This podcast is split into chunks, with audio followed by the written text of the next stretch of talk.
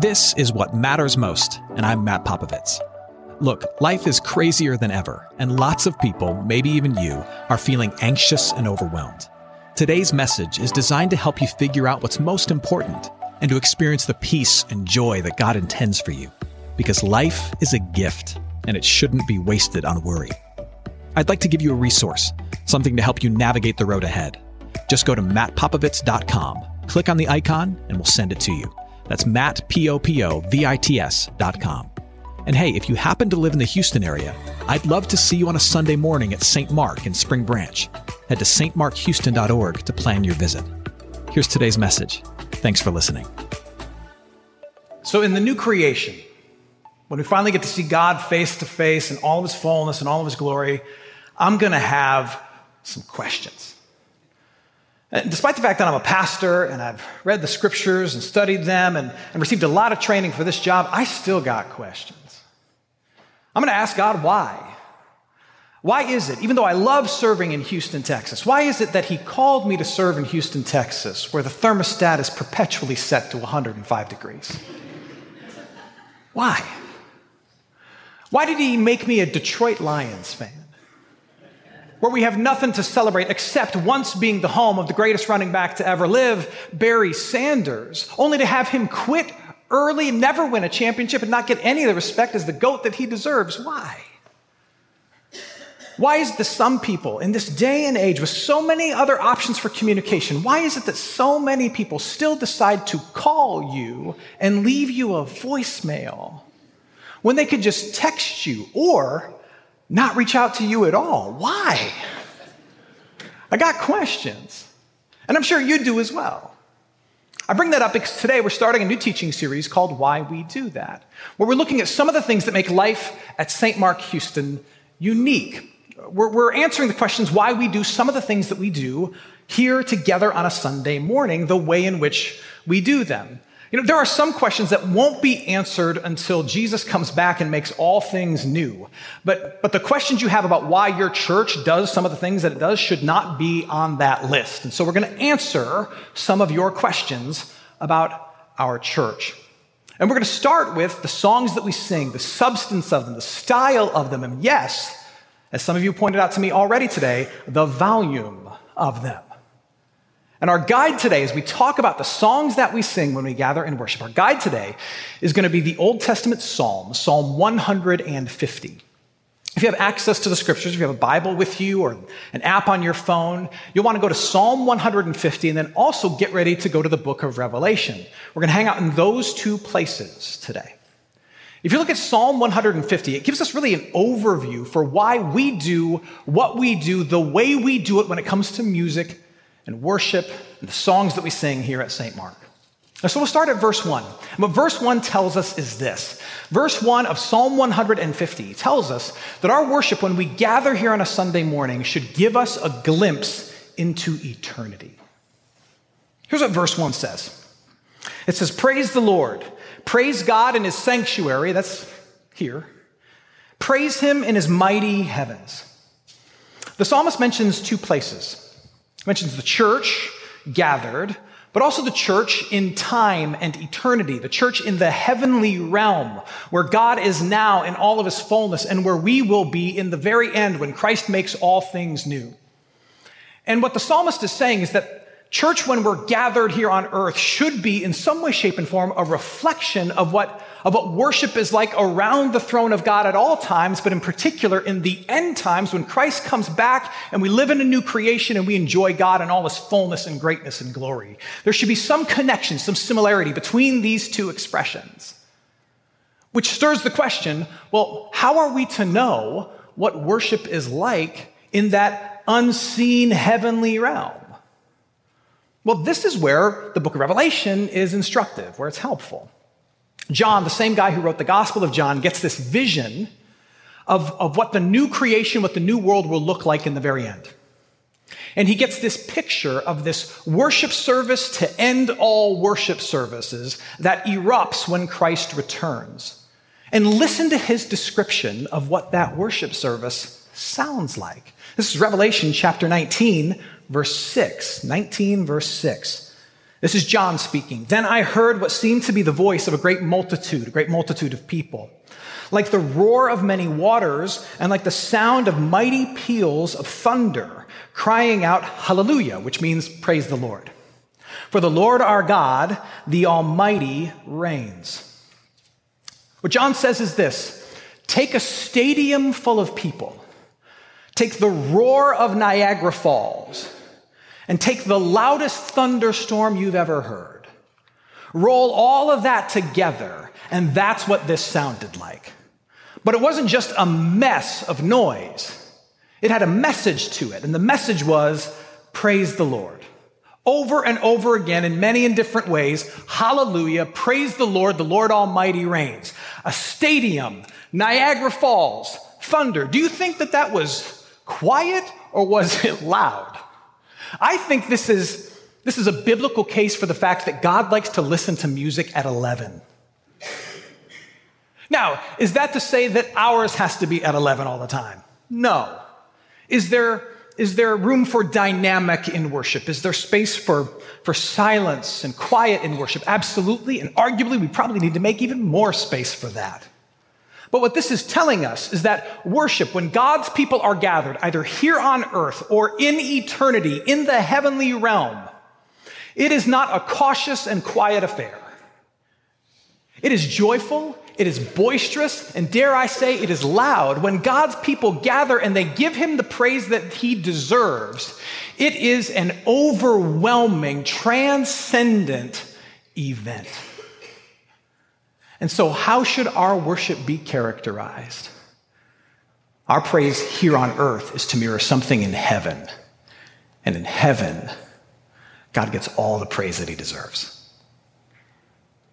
So, if you look at verse 2, what else does this tell us about the why, the rationale behind our worship?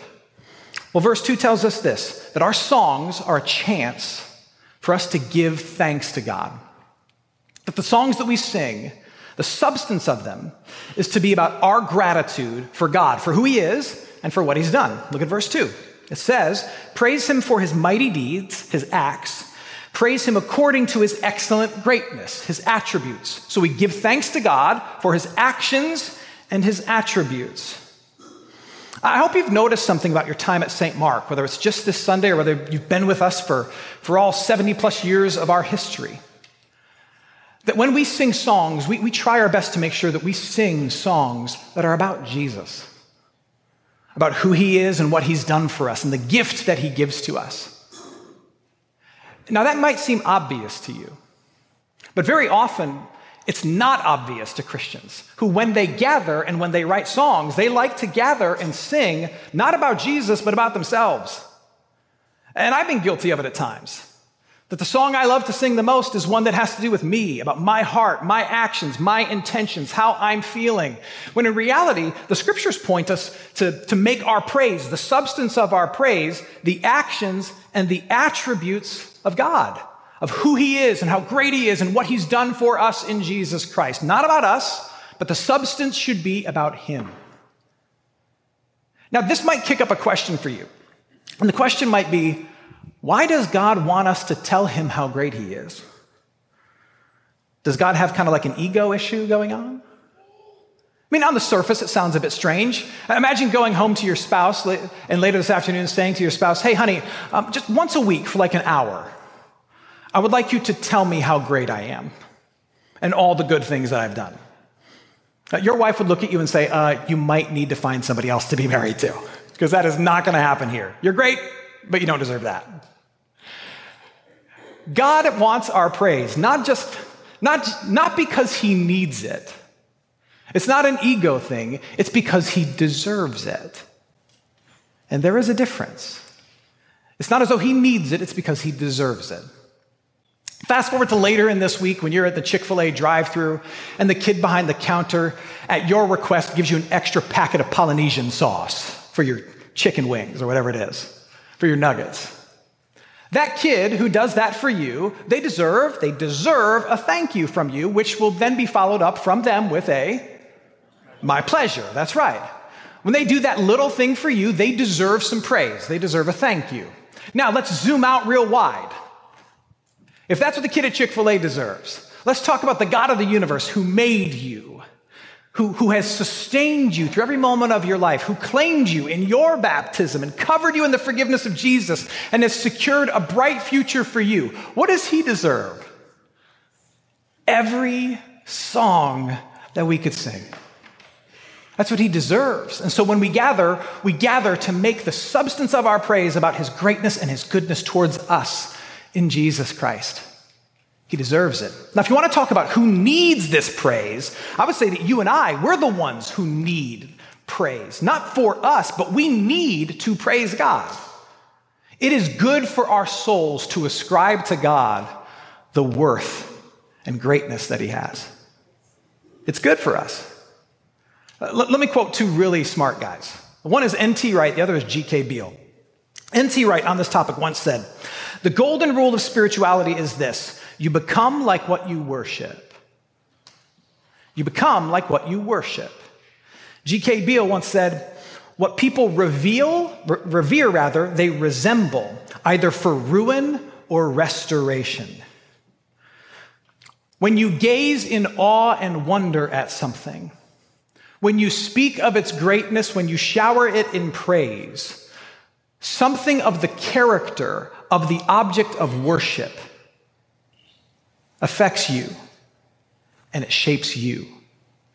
We become like what we worship. And, we often see negative examples of this. You know, so the person who is obsessed with and worships power becomes ruthless. The person who is obsessed with and worships money becomes a human calculator. The person who is obsessed with and worships sex and sexuality becomes obsessed with attractiveness.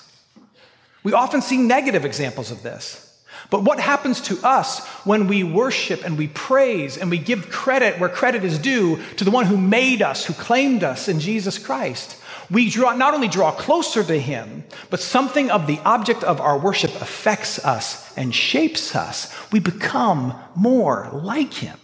In fact, and this is going really deep, you could make an argument that because the scriptures say that humanity was made in the image of God, when we worship God, we become more ourselves. We experience what it means to truly live. You can't be whole you can't be truly and fully human if you're made in the image of God until your praise and your worship, the substance of your songs, is pointed toward Him. We are the ones who need to worship because you become what you worship. You resemble what you revere. Hey, friends, it's me, Matt, and with me is Rachel. Hey, guys. And we're here to tell you about What Matters Weekly, a newsletter from MPM. Rachel, if they sign up for the newsletter, what do they get? Well, each week they'll get original content from you sent straight to their inbox, curated links from around the internet, and the latest on all things MPM, including episodes of this program, What Matters Most, as well as our podcast, Make It Simple. And here's how you sign up. Head to mattpopovits.com and click newsletter. That's Matt Popovits, M A T T P O P O V I T S.com, and click newsletter. Yeah, and we'd love to stay connected with you every Friday with What Matters Weekly. Now, back to the show. So we keep going through Psalm 150. What does verses 3 through 5 say to us? Well, it says a lot. The substance of it is this that our worship should be a creative celebration. Psalm 150, verses 3 through 5, mentions every instrument under the sun to be used in our gathered worship. Listen to this it says, Praise him with the trumpet sound, praise him with lute and harp, praise him with tambourine and dance, praise him with strings and pipe. Praise him with sounding cymbals. Is this, is this a verse about drums? Praise him with loud and crashing cymbals. This is a verse about loud drums.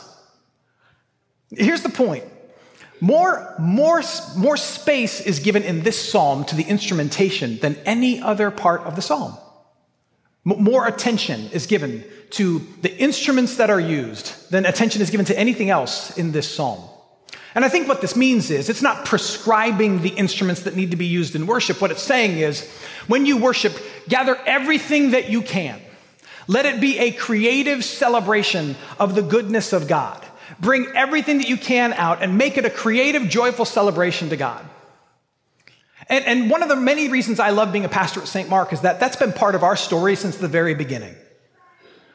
Our church has been in existence for almost 75 years. And we have a heritage, a heart that says whatever it takes to give God all the praise that He needs, we're going to do it. Whatever it takes to be as creative and joyful in our celebration of worship, we're going to do it. So much so that almost three years ago, we made a dramatic shift in, in our style of worship here at St. Mark. And what you need to know is that that was, that was driven by the, the words of Psalm 150, and in particular, verse 6 bring everything out to make it as joyful and celebratory of a worship experience as possible, because that's what God deserves. Bring everything out, make it a joyful celebration. And I know that in churches, not this church, but other churches, people like to argue over style about which is better, a more, more traditional style or a more uh, contemporary style of music. But I hope that you know that when we argue over style and how it resonates with us and what we like the most, that we are really missing the point of corporate worship. So imagine for a moment that, that you threw a party for your, your 10 year old girl. And you, you buy the cake and you get the presents, you hire a clown, whatever you do. And the party happens, and afterwards, your spouse comes to you and says, So, what did you think of the party? And, and by all accounts, it was a raging success. But you, in this moment of reflection with your spouse, you, you look at her and say, Well, you know what? I really prefer that they sing happy birthday on a guitar, not a piano. Um, no one got a present for me. The cake really didn't feed me. I don't know. I'm just left wanting more. Your spouse would look at you and say, Bro, you know that this party wasn't for you, right? Now, does God want us to enjoy our gathered worship? Absolutely. Does He have tons of gifts to give to us in gathered worship? Yes. Does He want the songs that we sing to flow from our heart, to resonate with us? Does He want us even to, dare I say, feel something when we sing? Yes, He does. But let us not, let us not forget that, that, the, that the songs are about Him. They, they are our gift of gratitude for Him. That it's, it's a, it's a party that blesses us, but the songs in particular is a celebration of Him. And our task is to offer Him joyful and creative praise as much as possible. Brings me to the next part of Psalm 150, verse 6. Verse 6 tells us that our celebration should welcome and engage as many people as possible. Verse 6 says this Let everything that has breath praise the Lord. Praise the Lord. I'll read it again because I think it's easy to skip over what this is actually saying. Let everything that has breath, everything that has breath in its lungs, praise the Lord. Praise the Lord. Our worship should be done in such a way that everyone with breath in their lungs can come and understand it and take part in it. And that's why each week when we put a service together, and I think some weeks we, we do this really well, other weeks we try really hard, but we might miss the mark. But each week, this is the intention. We, we try to build as, as welcoming and diverse uh, of a chorus of people singing God's praises as possible. I'm not talking about the people who are up front, but I'm talking about who is welcome in these doors and who can take part. One of the reasons why we have the style that we do is so that we can reflect the culture that we're called to reach and that we can resonate with the people who might walk in this door and have no reference point for what we believe. And while the substance of the things that we say and teach will, of course, be strange to them, they might be able to walk in and have something connect with them, something feel familiar to them, so that they might hear the strange things that we teach. They might join us in the songs of praise, and so come to believe and be changed. But that's why also each week we try to sing a song that the church, the capital C church throughout time, has been singing for a long time, like a mighty fortress. Or Christ, my sure and steady anchor. That's not a new one. So that if you grew up in these pews, you can walk in and go, well, the style is kind of new to me, or perhaps not my personal cup of tea, but this song, this song speaks to me. That's why each week, whether you're into really traditional things or whether you like all the contemporary things that we're trying, you, you can know, if you, especially if you've grown up in the church, that every single song that we pick, it is anchored in the theological tradition that we have inherited, where the focus is not on us, but the focus is on Jesus Christ and what he has done for us and what he gives to you. and the battle he's fought and won, the victory that he blesses you with. That that's what it's about. And our effort in doing that and having a style that can connect outside of our, our normal limits and substance that speaks to the tradition that we've inherited and songs every week that, that someone can resonate with. Our, our job is to create as big of a chorus, as big of a tent for the praise of Jesus as possible because everything that has breath needs to praise him and be transformed by it. Let everything that has breath praise the Lord. And so our worship must be done in such a way that as many people as possible can come in, even and especially those who have never been here before can connect with it. Let everything that has breath praise the Lord. Psalm 150. That's the why behind why we do the things that we do. Now, I, will say this all of that means very little if you don't grasp these last two things that I'm going to share with you.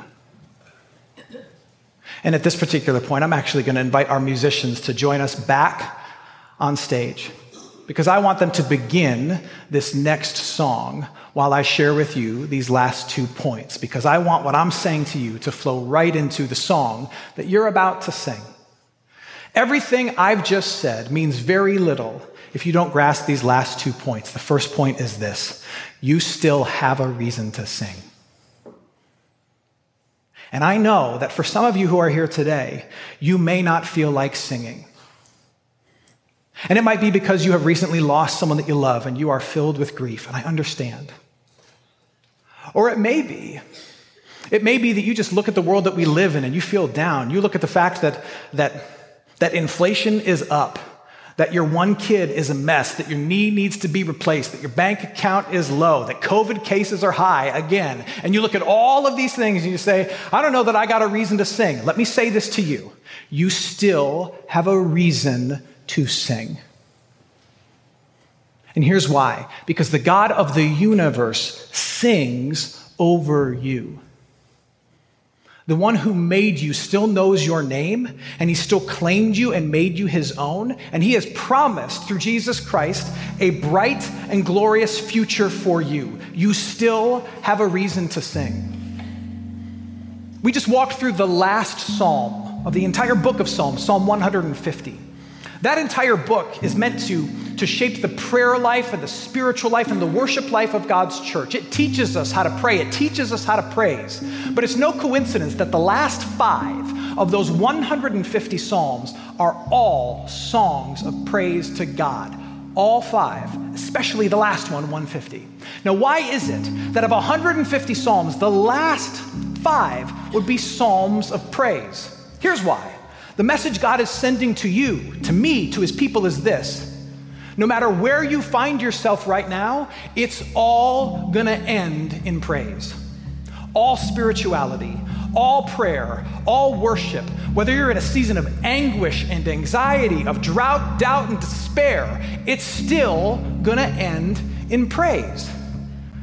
Every, every anxious prayer you've offered, every desperate need you have, It'll either get resolved this side of eternity or it will for sure get resolved when Christ returns. But it's going to end in praise. And so when you show up here on a Sunday morning, and even though life doesn't give you any reasons to sing for joy, when you show up here and you decide to sing for joy anyway, what you're, what you're saying, what you're doing is, I know how this story ends. I know that it's going to end in praise, and I'm going to give myself a glimpse of the day to come. And even though I don't feel like it, even though I don't really want to, I'm going to give God the glory and praise that He deserves, and going to give the world around me a glimpse of the end. It all ends in praise. The second point you have to grasp is this is that your God wants to hear you sing. Hey, it's Matt. I hope you enjoyed what matters most. Here's what I need you to know. Life is a gift and it shouldn't be wasted on worry. I want to help you figure out what's most important and to experience the peace and joy that God intends for you. So, for more content, you can head to mattpopovits.com. That's Matt, P O P O V I T S.com. There, you can also support this ministry as well as access your free resource, a little something to help you navigate the road ahead. I'd also love to see you on a Sunday morning. If you're in the Houston area, head to stmarkhouston.org to plan your visit. In the meantime, Hit me up on Instagram at mpopovits or at facebook.com slash Matt Popovits Ministries. Thanks for listening. Now go and hold tight to what matters most.